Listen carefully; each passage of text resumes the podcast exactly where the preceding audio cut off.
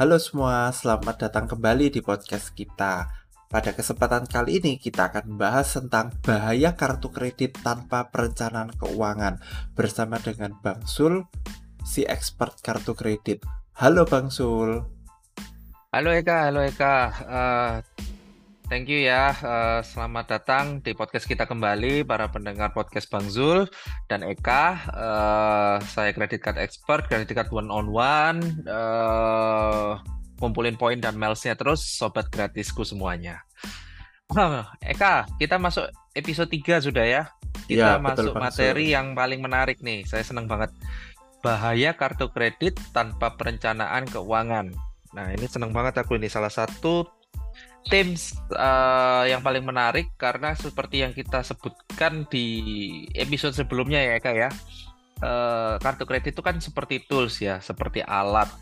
Uh, kalau kita bilang senjata gitu ya pedang lah gitu. Nah kita kalau bisa pakai pedangnya enak kita bisa menggunakan dengan baik. Tapi kalau kita uh, tidak tahu cara menggunakannya lama-lama kita sendiri yang ketusuk gitu kan ya. Betul nah, dan kartu kredit dan... juga juga demikian. Dan gini teman-teman, kan kita kan di episode-episode selanjutnya kita akan membahas banyak hal tentang kartu kredit.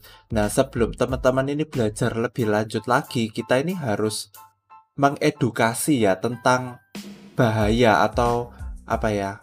Ya bahaya atau resikonya kalau kita punya kartu kredit tapi tidak memiliki perencanaan keuangan yang baik. Betul ya Bang Sul ya?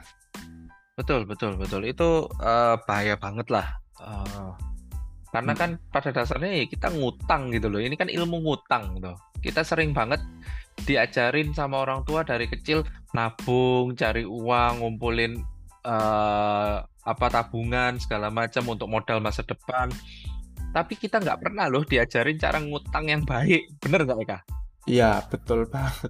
Coba, coba kamu tanya sama orang tuamu, pernah nggak atau teman-temanmu deh pernah nggak diajarin sama papa mama atau sama sekolah gitu sekolah ekonomi? Dulu kita kuliah ekonomi ya, ya pernah nggak kita diajarin? Pernah nggak kita diajarin sama dosen kita cara ngutang yang baik? Kayaknya kok nggak pernah ya. Kita nggak pernah diajarin di sekolah padahal cara kenyataannya mengutang. betul kenyataannya kenyataannya sekarang kita tanya oh papa sama mama teman guru dosen kita semua dulu pak punya utang nggak punya. Saya yakin 100% pasti punya ya kayak. Ya. Tapi yeah. mereka nggak pernah ngajarin gitu loh. Nah, itu penting banget. Penting banget ini jadi bahasan gitu loh. Karena padahal itu yang uh, ini seperti apa ya kayak seks lah, tabu untuk dibahas, tapi sebetulnya ya dilakukan. Akhirnya kalau kita belajar nyoba-nyoba akhirnya ya kecemplung dulu. Nah, supaya kita nggak kecemplung, di sinilah kita sharing gitu Eka. Siap Bang Sul. Oke Bang Sul, kita mulai bahas nih apa aja nih bahayanya kartu kredit ini Bang Sul? Oke, pertama mindsetnya dulu ya Eka ya. Uh, utang itu nomor satu jangan dipakai konsumtif. Wes titik nomor satu konsumtif jangan. Apa pun itu. Hmm. Nah, Bang Sul, mungkin ya orang bingung definisi konsumtif itu gimana sih? Soalnya kan kebanyakan orang mikir kan kita belanja kita kan pakai kartu kredit ada potongan harga. Kenapa kok bisa dibilang konsumtif ya bang Sul ya? Oke okay, gini konsumtif bedakan dengan primer ya kebutuhan primer yang pasti kita spending yang pernah saya bahas di uh, podcast sebelumnya. Itu primer primer adalah suatu spending yang sudah pasti akan uh, keluar ya, akan harus kita keluarkan. Kalau nggak kita keluarkan kita mati. Contohnya hari ini beli beras, hari ini uh, beli telur, Indomie dan sebagainya. Gitu betul ya Eka ya? Betul. Itu sudah basic. Uh, uh. Konsumtif ini apa? Konsumtif ini adalah kebutuhan yang nggak butuh sebetulnya, nggak butuh-butuh amat, tapi akhirnya kita pakai utang cicilan demi mendapatkan itu sekarang itu kan kita meminjam masa depan kita kenikmatan di masa depan kita pakai sekarang gitu Ya contohnya teman-teman pasti tahu lah, contohnya belum butuh-butuh banget HP baru, tapi supaya up to date belilah iPhone baru karena dihitung, oh kalau dicicil 12 bulan, oh akan cicilannya sekian, saya nggak ngerasa berat gitu. Pada akhirnya uh, numpuk gitu loh, yang kayak gitu-gitu. Belum lagi Jadi, kalau ada cicilan 0% 36 bulan atau 24 bulan ya Bang Sul ya. Waduh, itu semakin menggoda gitu loh. Semakin menggoda untuk dipakai konsumtif. Tapi ya nggak salah juga sih, karena memang kartu kredit ini uh, marketingnya didesain untuk uh, mendorong konsumtif gitu loh. Ya Eka ya? Iya betul, betul banget. Uh, uh, emailnya, promonya yang di blast ke seluruh pengguna kartu kredit diiklankan di mana-mana itu mesti uh, mendorong kita untuk konsumtif Nah, kembali lagi ke diri kita sendiri. Gimana kita membentengi kita, mindset kita dibentengi supaya kita itu nggak terjerumus ke yang konsumtif. Gitu. Oke, mungkin lebih ke arah gini ya Bang Sul ya. Kalau misalnya kadang ya kan sebagai individu ya kalau kita sudah punya kartu kredit biasanya kan akan lebih mudah untuk mengambil kartu kredit dari bank lain misalnya kita punya dari kartu bank A ke bank B, bank C dan seterusnya. Nah kadang itu gajinya kita itu tetap sama. Katakan saya punya gaji satu juta misalnya, ya kan? Nah kita apply kartu kredit bank A, katakan kita dikasih limit, katakan biasanya kan maksimum tiga kali gaji, betul nggak Bang Sul ya? Betul betul. Nah misalnya bank A ngasih kita 3 juta, ya kan? Berarti Terus kita apply ke bank B. Bank B biasanya melihat referensi bank A. Oh, kamu dikasih 3 juta. Ya udah, mungkin dia akan kasih limit yang sama 3 juta atau 5 juta. Nah, kalau kita katakan punya tiga kartu kredit aja, berarti kan penghasilan kita satu juta, tapi kita dapat fasilitas tanda kutip kartu kredit total bisa 9 juta. Betul nggak Pak Sul ya? Iya. Nah betul, ini betul. kadang yang menjadi jebakan orang untuk mengkonsum apa ya menjadi konsumtif gitu loh. Jadi Tuh. mungkin mungkin ya mungkin ya salah satu saran dari kami adalah kalian melakukan spending atau pengeluaran itu tetap berdasarkan acuan gaji kalian misalnya punya gaji satu juta ya acuan pengeluarannya dari satu juta jangan dari limit 9 juta. Gitu ya Bang Sul ya? Betul betul. Kalau kayak gitu pasti salam Pak. Nggak pakai lama misalnya. Jadi eh, itu sih yang suka jadi jebakan. Kadang itu kan kartu kredit tiga kali gaji ya terus akhirnya dia dia ini belum waktunya gitu loh. Bisa spending 15 juta 20 juta per bulan. Tapi karena difasilitasi sama kartu kredit tergoda lah. Kalau mindsetnya mentalnya nggak kuat dia akan tergoda gitu. Belum waktunya beli HP baru beli HP baru. Belum waktunya beli motor baru beli motor baru. Belum waktunya nyicil mobil nyicil mobil. Ya sudahlah nggak lama ke gulung itu Nah, okay. Seperti yang saya sebutkan kalau di uh, podcast saya sebelumnya, episode saya sebelumnya itu yang paling baik itu adalah dipakai beli aset, Eka, dipakai beli cash flow. Ya kalau dalam case saya kan saya pakai usaha ya, gitu loh. Mm -hmm. Jadi menghasilkan.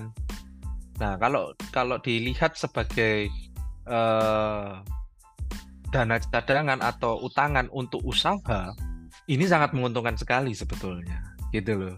Tapi kalau dipakai konsumtif, wah pasti deh. Nggak, nggak, nggak lama akan kegulung dan akan habis. Kalau dipakai usaha, otomatis kan perputaran duit, cash flow. Mm -hmm, nah, betul. Itu selain kredit skornya bagus, poin milesnya dapat, bisnisnya jalan. Ya kan?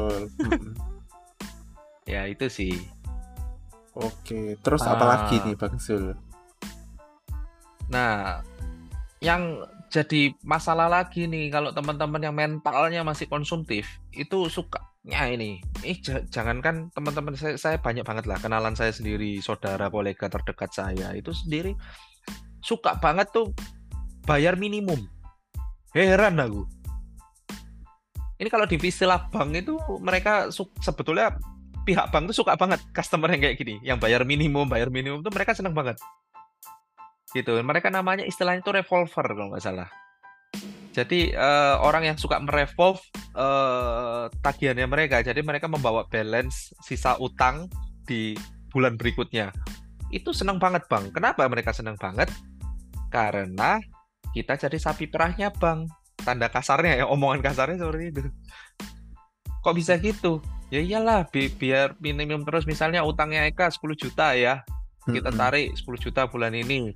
Bayar minimum minimum sekarang dulu 10% ya. Sekarang pandemi cuma 5% kali. 5%. 5%. Betul. Nah, 10 juta 5 persennya berarti kan cuma 500 ribu. Nah, Ya. 500 ribu. Artinya kan utangnya kita masih 9 juta 500 ribu. Ya, Ya, ditambah eh, dan itu kena bunga eh, 10 juta kita dari 10 jutanya kita. Bukan dari 9 juta 500 ribu. Kena bunga dari 10 jutanya kita sebesar dulu tuh sebelum pandemi 2,75 persen, tapi sekarang pandemi diturunkan jadi 1,75. Nggak tahu lagi sebentar lagi pandemi selesai dinaikkan lagi.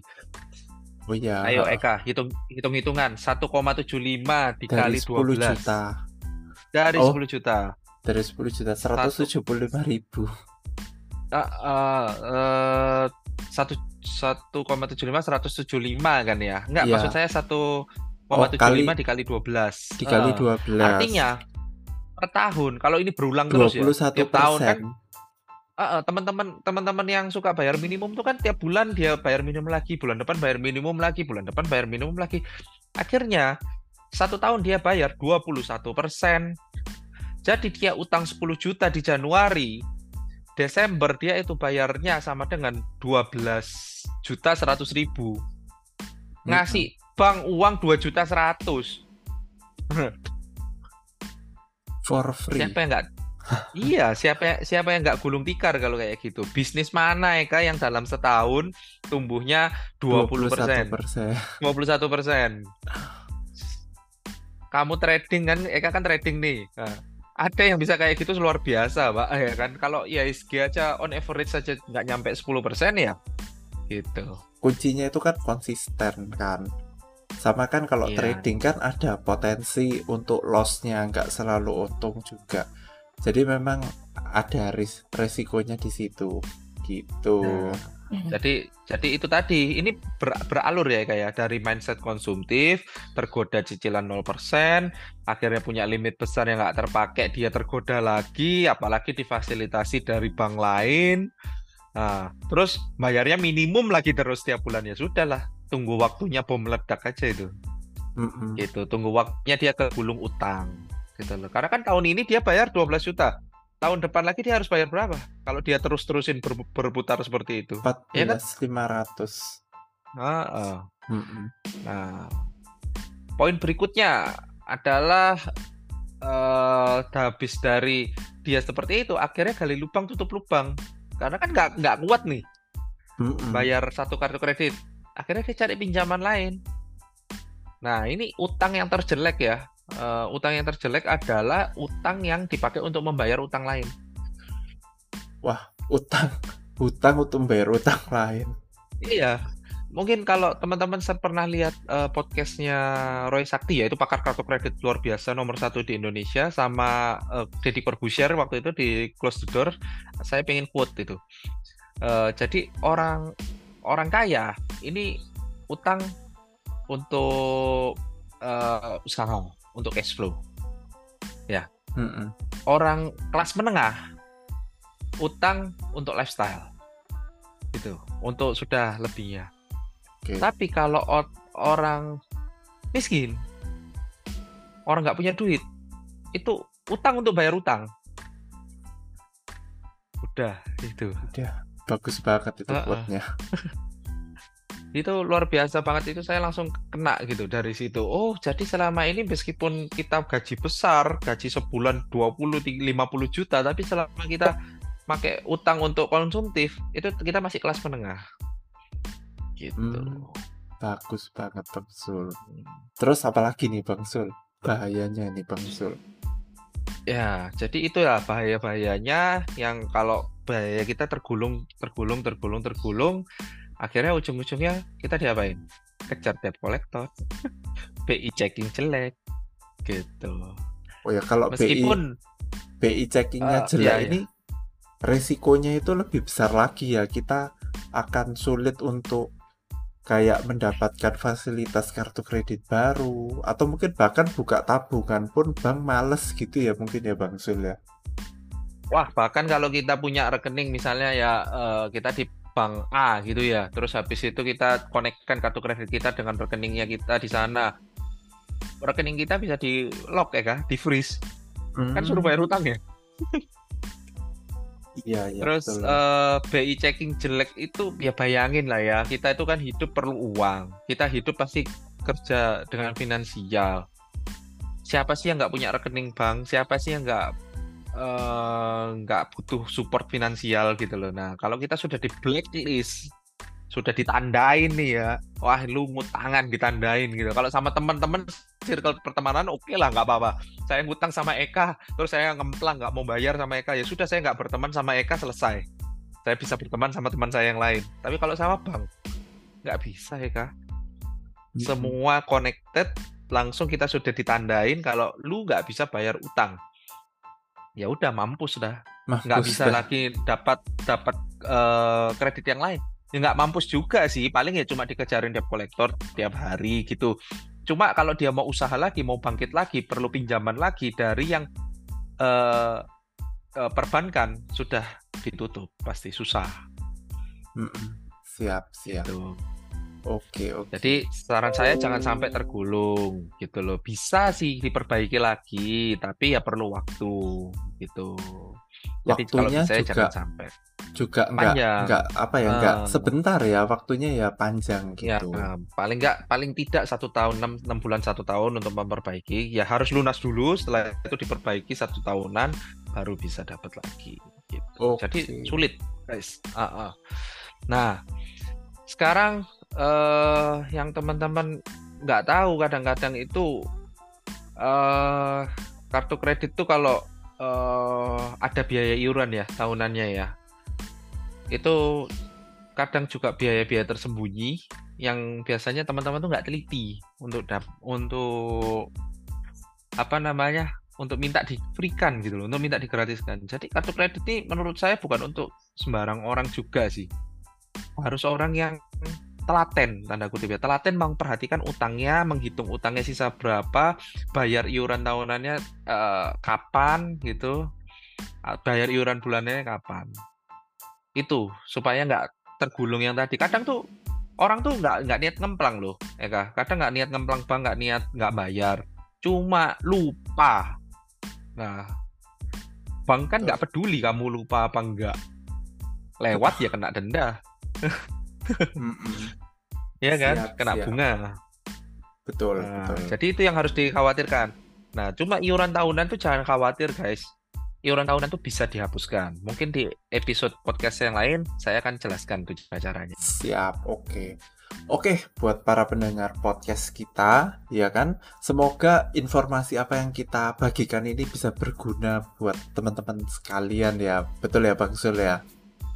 Yes, semoga bisa membantu teman untuk memanage utangnya. Paling nggak secara mindsetnya dulu lah. Kita benahi mindsetnya dulu. Mindsetnya udah oke.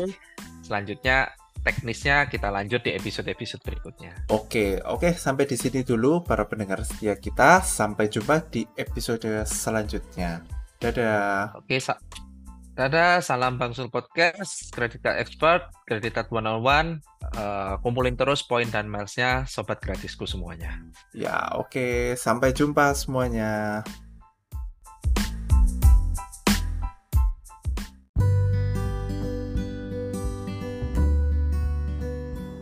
Terima kasih sudah mendengarkan podcast kami.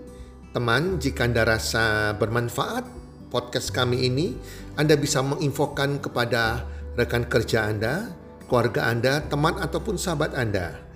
Dan jika ada hal-hal yang Anda ingin tanyakan kepada kami ataupun topik-topik apa yang Anda ingin kami bawakan, kami sampaikan, Anda bisa DM kami di Instagram kami healthcommunity.id. Salam one two three, salam sehat, sejahtera dan bahagia.